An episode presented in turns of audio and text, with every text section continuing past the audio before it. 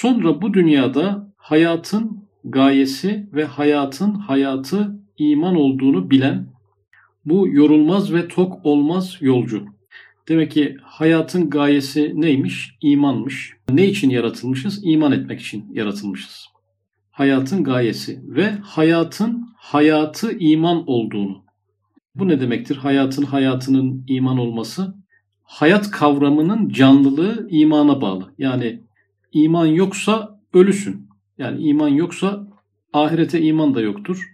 Dolayısıyla biraz yaşayıp sonsuza kadar öleceksen, ölü olarak kalacaksan, sonsuzun yanında birazcık yaşamış olman sıfır hükmündedir. E, hayatın hayatı imandır. İman yoksa yaşayan insanlara da yaşıyor gözüyle bakamayız. Hayatın hayatı iman olduğunu bilen bu yorulmaz ve tok olmaz yolcu. Demek ki iki tane tehlike var bu manevi yolculukta, tefekkür yolculuğunda. E, birisi yorulmak. Yani sürekli tefekkür ediyorsunuz, sürekli aktifsiniz o konuda. E, bir yorgunluk gelebilir. İkincisi de tok olmak, yani doymak. Yani bu bilgiler bana yeter. Bu elde ettiğim tefekkür beni götürür. Düşünmek de bir doygunluk alametidir. Yorulmaz ve tok olmaz yolcu diyor. Yani eğer Rabbinizi araştırıyorsanız, imanı araştırıyorsanız, hakikatin peşindeyseniz yorulmayacaksınız. Yani burada yol yorgunluğuna düşmeyeceksiniz. Çok insan düşüyor maalesef. Yani bir dönem cazip bir şekilde bu hakikatlerle ilgileniliyor. Başka bir dönem araya işler güçler girince yol yorgunluğuna düşülüyor. Başka şeylere dalınıyor. Yorulma olmamalı bu mevzuda. İkincisi tok olmaz yolcu diyor. Yani doyma hissi. Artık benim bu hakikatlere ihtiyacım yok düşüncesi. Biz bunları bir dönem okumuştuk. Onlar bana yeter düşüncesi. Bir dönem yeterince bunları düşünmüştüm artık düşünmeye gerek yoktur zanlı. Bunlar da doyma tehlikesi. Maneviyatta, tefekkürde doyma tehlikesi de en büyük vartalardan birisi. Ama bu yolcu yorulmaz ve tok olmaz yolcu. Hani hel min mezit demişti geçen derslerde. Daha yok mu? Sürekli daha fazlasını istiyor. Çünkü elde ettiği her hakikat diğerine karşı bir şevk ve lezzet uyandırıyor. Kendi kalbine dedi ki. Demek ki insan kendi kalbiyle konuşabilir. Çok da etkili olur. İnsanı en çok etkileyen ses kendi sesiymiş derler. E, kendi kalbine giden ses. Yani düşünceden kalbe giden yollar biraz tıkalıdır. Yani kafamızdan geçen şeylerin kalbimize de ulaşması o yollar biraz tıkalıdır ama dile dökersek, kendimizle konuşursak, kulağımızdan girerse aklımızdan kalbimize giden yol gene kulağımızdan geçiyor. O yüzden biz onları sesli bir şekilde kendimize yer yer dile getirmeliyiz. Kendi kalbine dedi ki aradığımız zatın, aradığımız zat yaratıcıyı arıyorduk yani. Sözü ve kelamı denilen olan demiyor. Sözü ve kelamı olan demiyor. Denilen yani şu anda sadece ortadaki iddiayı inceliyor. Kelamullah iddiasında olan bir kitap var. O yüzden denilen. insanlar öyle diyor. Müslümanlar öyle diyorlar. Ama bu yolcu dışarıdan mevzuya baktığı için şu an denilen diyor yani. Böyle denilen. Bu dünyada en meşhur ve en parlak ve en hakim. Şimdi Kur'an'ın bazı vasıflarını sayıyor. En meşhur kitap. Dünya çapında şimdi bunu istatistiklere dökenler de olmuş elinden geldiğince. Yani dünyadaki en bilinen kitap denince tabii sadece Kur'an'a inananlar kümesi girmiyor işin içerisine. Reddedenler de dahil olmak üzere meşhur bilinen yani dünyanın hangi köşesine gitseniz Kur'an diye bir kitabın varlığından haberdar olunması. Acaba başka bir kitaptan bu kadar haberdar olma e, yüksek sayısına erişilebilmiş midir? En meşhur, en bilinen. Bir de günümüzü düşünmeyelim. Yani toplam İslam tarihinden bu yanayı düşünelim. Kur'an her köşeden duyulmuş yani. Reddedenler, sevmeyenler, isteyenler, inananlar dahil olmak üzere en meşhur. Peki en parlak diyor. Bu parlağı üstadımız genelde erişilebilirlik olarak sık sık kullanmış. Yani yıldızlar parlaktır her yerden görürsün. Dünyanın neresinden olursa olsun. Arada dağlar da olsa hiç, yani yıldızı görürsün. Kur'an'ın varlığı bilgisi de böyle bir bilgidir. Yani sahabe efendilerimiz bunu bir misyon edindikleri için dünyanın her tarafına bu bilgiyi götürmüşler. Kimileri kabul etmiş, kimileri reddetmiş ama her tarafa erişme gayesiyle yola çıkmışlar. En parlak ve en hakim, en çok okunan kitap Kur'an'dır. E, bana çok gerçekçi geliyor. Kur'an sürekli okunması, milyarlarca Müslümanın elinde olması, yani bizim namazlarda okuduğumuz sureler de Kur'an'dan birer okuma olduğundan dolayı okunma oranı da çok şey geçer yani. Dünyada onu geçebilecek bir kitap olmasını ben hayal edemiyorum rakam olarak. bu nispette her Ramazan'da hatim yapan bu insanlar hayatları boyunca zaten belki 60-70 kere aynı kitabı okumuş oluyorlar. Dünyada birçok böyle önemli görülen kitaplar vardır ama bir kez, on kez insanlar yani on kez aynı kitabı okumak çok kolay değildir ve milyarlarca insanın aynı performansla böyle bir şeye yönelmesi çok mümkün görünmüyor. Mesela ezberlenmek, dünyada en çok ezberlenen kitap herhalde pek ihtimal vermiyorum. Başka bir kitap çıkmaz yani. Bütün dünyayı hesap etsek bile dünyada en çok ezberlenen kitap ki ezberlenmeye müsait bir kerameti var çünkü. O da ayrı bir mevzu. Çocuklar bile bir alfabeyi ezberleyinceye kadar bir sürü sıkıntı çekiyorlar. Kur'an'ı 5 yaşında 6 yaşında çocuklar tamamını ezbere okuyanlar var. Ayrı kerametleri Kur'an-ı Kerim. Ve ona teslim olmayan herkese her asırda meydan okuyan Kur'an-ı Kerim'in meydan okumaları var. Belagat yönüyle, edebiyat yönüyle. Benzerinin getirilemeyeceği. Bir ayette 10 ayet getirin. Bir ayette sure e, örnek verin. Üzerine en çok araştırma ve çalışma yapılmış kitap gibi de geliyor bana bir taraftan. Evet, asırda meydan okuyan, Kur'an'ı Mucizül Beyan namındaki. Şimdi Kur'an-ı Kerim namındaki demedi. Kur'an'ı Mucizül Beyan namındaki dedi. Yani demek ki Kur'an'ın beyanının mucizeliği üzerinde duracağız bu derste. Namındaki kitaba müracaat edip o ne diyor bilelim. Fakat en evvel bu kitap bizim Halık'ımızın kitabı olduğunu ispat etmek lazımdır diye taharriye başladı. Kitabı inceleyecek ama Allah'ın kelamı diye inceleyecek ama öncelikle Allah'ın kelamı olduğunu ispat etmesi lazım ki sonra ona göre kitabı inceleyebiliriz. Bu seyyah bu zamanda bulunduğu münasebetiyle bu zamanda dediği 20. yüzyılı artık kastediyor Üstad Hazretleri. Yani bu 7. şuanın yazıldığı zamanı ifade ediyor. Bu seyyah bu zamanda bulunduğu münasebetiyle e demek ki bu seyyah 20. yüzyılda bu zamanda geldiğine göre bu seyyah üstadımızın kendisidir şeklindeki yorumlar isabetli görünüyor yani. Bazen hatıralarda görüyoruz. Üstadın kendisi, üstadım bu seyyah siz miydiniz diyenlere. Birinci nokta. Nasıl ki Kur'an bütün mucizatıyla ve hakkaniyetine delil olan bütün hakaikiyle Muhammed Aleyhisselatü Vesselam'ın bir mucizesidir.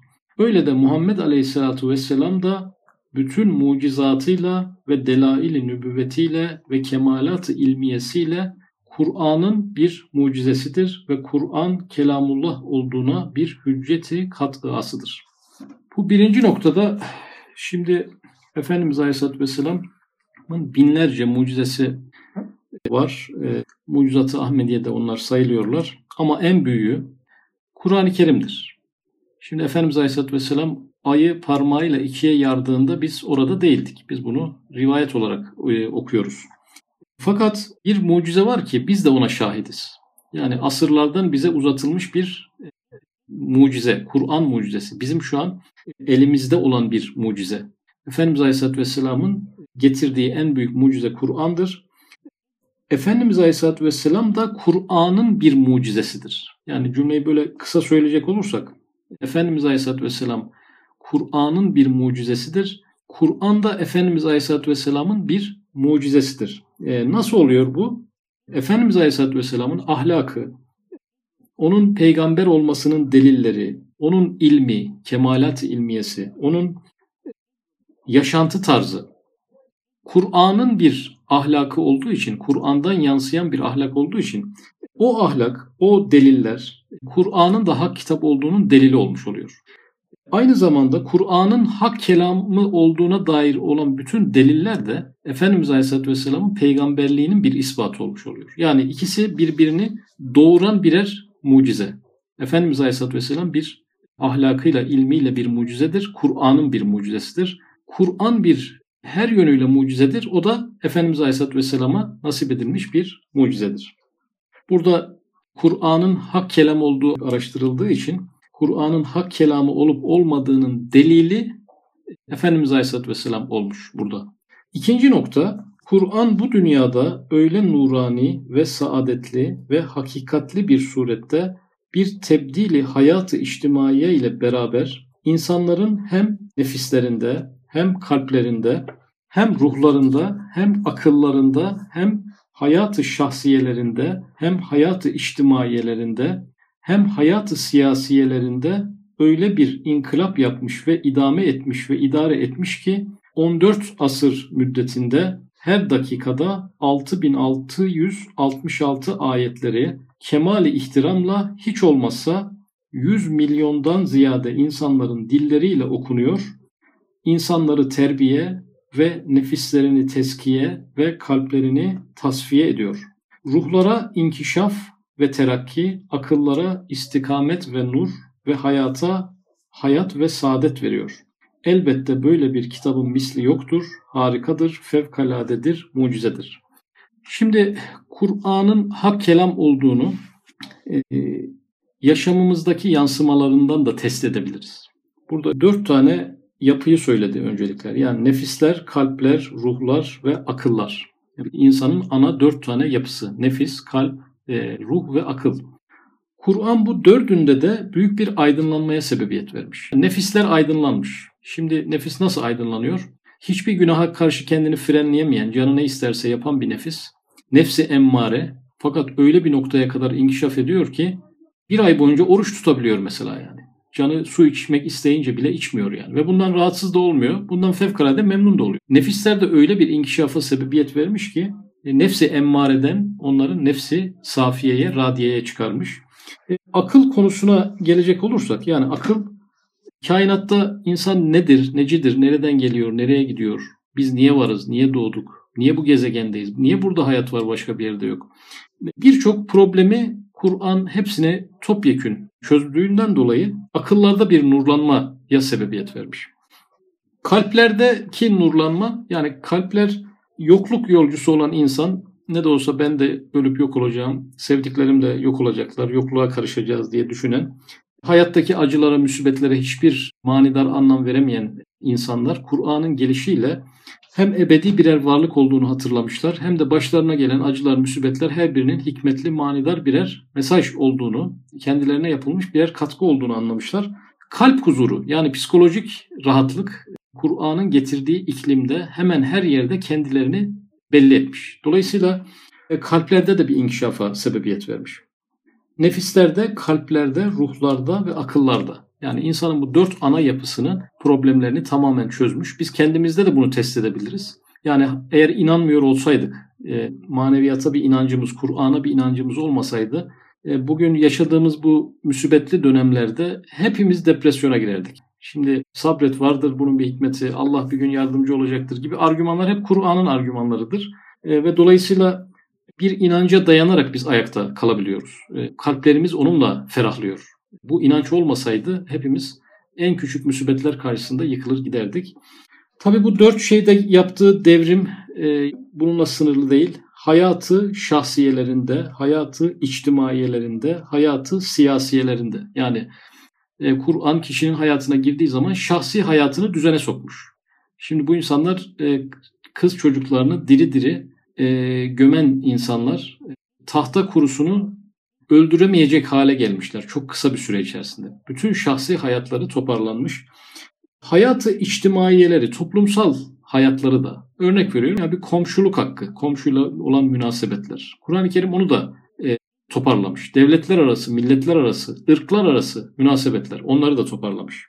Hem hayatı siyasiyelerinde, şimdi siyasi hayatları da var, devlet yönetimi var, Hulefai Raşidin'le sınırlı mevzuyu ele alacak olursak işte insan hakları, adalet, insan kayırmama, insanlara eşit davranma bunların her birini yani bugün erişilemeyen bir takım özgürlük sistemleri, dinlere saygı, onlara yaşam hakkı tanımak.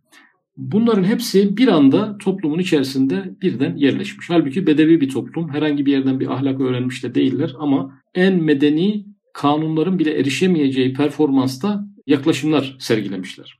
Şimdi bu yapılan e, inkılaplar her an her dakika yüz milyonlarca Müslümanın hayatında şu anda halen oluyor. Nefislerinde, akıllarında, ruhlarında ve kalplerinde bir inkişafa, rahatlamaya, terakkiye, şahsi ve içtimai hayatlarında bir toparlanmaya ve düzenlenmeye sebebiyet veriyor. Bu nasıl bir kitap ki? Bu kadar insanı toparlayabilen, bu kadar içtimai hayatı düzene sokabilen, bu kadar siyasi hayatı düzene sokabilen bir yapıda geliyor. Şimdi bu yolcu bu etkileri, bu sonuçları incelediğinden dolayı e, bu ancak Allah kelamı olabilir. Beşer kelamı bunu böyle yapamaz. Asırlar geçtikçe de zaten beşer kelamı olsaydı kelam iyice yaşlanırdı. E, problemler değiştikçe problemlere çözüm üretemez hale gelirdi. Bugün hiçbir yaramıza merhem olmaması gerekir. O tarihten kaynaklanan bir kitabın beşer kelamı olması durumunda ama bugün adeta e, asırlar geçtikçe Kur'an'ın gençleştiğini, problemlerin karşısında yaşlanmadığını, çok daha canlı ve diri çözümler bize sunduğunu şu anda görüyoruz. Üçüncü nokta o asırdan ta şimdiye kadar öyle bir belagat göstermiş ki Kabe'nin duvarında altın ile yazılan en meşhur ediplerin Muallakat-ı Seb'an namıyla şöhret şiar kasidelerini o dereceye indirdi ki Lebid'in kızı babasının kasidesini Kabe'den indirirken demiş ayata karşı bunun kıymeti kalmadı. Kur'an'ın mucizeliğini daha çok belagatıyla alakalı mucizeliliğini incelediğinden dolayı bir belagat asrı yaşanmış yani. O dönem biz cahiliye dönemi diyoruz ama belagat yönüyle dünyanın halen erişilemediği bir dönem yaşanmış orada. Biz teknoloji gibi düşünüyoruz. Her şey azdan çoğa doğru gider. Bu asır teknolojik olarak diğer asırlardan daha ileridir. Her şey böyle bizim asra doğru ilerler zannediyoruz. Halbuki bazı şeyler bazı dönemlerde zirve yapmıştır. Sonra aşağıya doğru inişe geçmiştir. Belagat ve edebiyat o toplumda çok e, akıl almaz seviyelere kadar yükselmiş. Hatta Üstad Hazretleri Kur'an'ın nazire getirilemez mevzunda o zaman getirilemediyse şimdi hiç getirilemez diyor. Yani o belagat asrında bu yapılamadığına göre şimdi zaten yapılamaz şeklinde bir yaklaşım sergiliyor.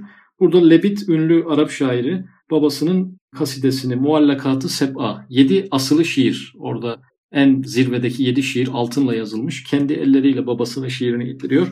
Ayete karşı bunun kıymeti kalmadı diyor. Hem bedevi edip festa bime tu'mer ayeti okunurken işittiği vakit secdeye kapanmış. Ona demişler sen Müslüman mı oldun? O demiş hayır ben bu ayetin belagatına secde ettim.